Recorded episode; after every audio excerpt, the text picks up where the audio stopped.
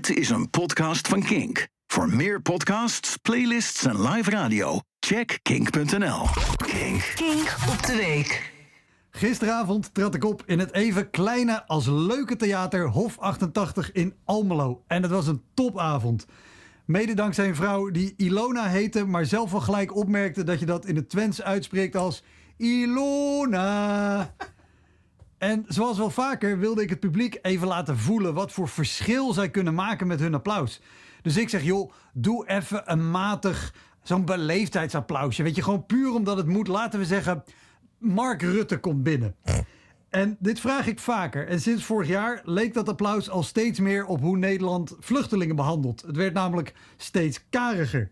Maar gisteren besloot voor het eerst de hele zaal collectief: nee, nee, gaan we niet doen. Kan me niet schelen dat hij er niet is. Ik klap niet voor Mark Rutte, ook niet voor een fictieve.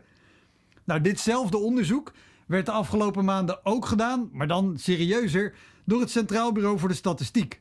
Zij melden afgelopen week dat het vertrouwen in de Tweede Kamer op het laagste punt van de afgelopen 10 jaar is. Slechts 25% van de mensen heeft vertrouwen in de Tweede Kamer.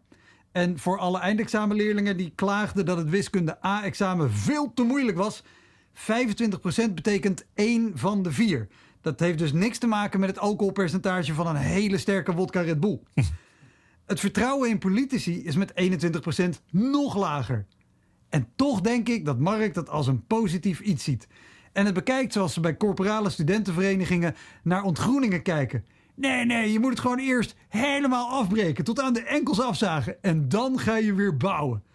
En misschien is dat ook de reden dat VVD-minister Wiersma van Onderwijs zo schreeuwt tegen zijn medewerkers.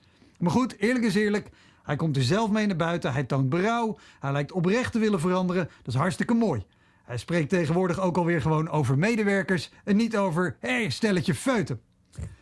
Rutte was tijdens zijn studie trouwens zelf helemaal geen feestbeest. Laat staan dat hij als een soort lullo door Leiden liep. Gelukkig maar, want man, wat moet het voor hem frustrerend zijn geweest als er elke keer weer zo'n Van Binsbergen type aan hem had gevraagd: Hé hey Mark, heb je nog geneukt? Nee, weer niet. Het lijkt me te gek als voortaan elke vrijdagmiddag bij de persconferentie een journalist dat ook gewoon aan hem vraagt. En ook met dat stemmetje. Geschiedenis was trouwens niet de eerste keuze van Mark. Dat was wat hij studeerde. Hij heeft al vaker verteld, hij wilde eigenlijk pianist worden. Maar een bestaan als kunstenaar leek hem toch te onzeker. Nou, is toch fijn voor hem dat hij nu een heel, in plaats van een instrument, een heel land kan bespelen. en misschien dat de VVD onder zijn leiding daarom ook zo'n punt heeft gemaakt van het afbreken van de kunstensector zodat Mark tegen zichzelf kan zeggen: Ja, zie je wel, er zit geen droog brood in de kunst.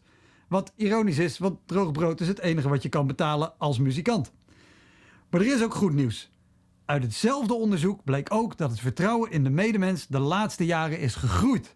Het vertrouwen in andere mensen nam toe van 58 tot 66 procent. En zo toont dit onderzoek uh, trouwens, even voor de, voor de wiskunde A-studenten, of voor de leerlingen die klaagden over wiskunde A, 66 procent. Uh, dat betekent dus 2 op de 3. En dat heeft niks te maken met filmpjes op X-hamster. maar goed, zo toont dit onderzoek niet alleen het probleem, maar ook de oplossing voor de politiek. Andere mensen. En voor Mark Rutte een functie elders. Misschien wel ergens achter een piano. Bedankt voor het luisteren naar deze Kink-podcast. Abonneer je op deze podcast via de Kink-app en wees altijd op de hoogte.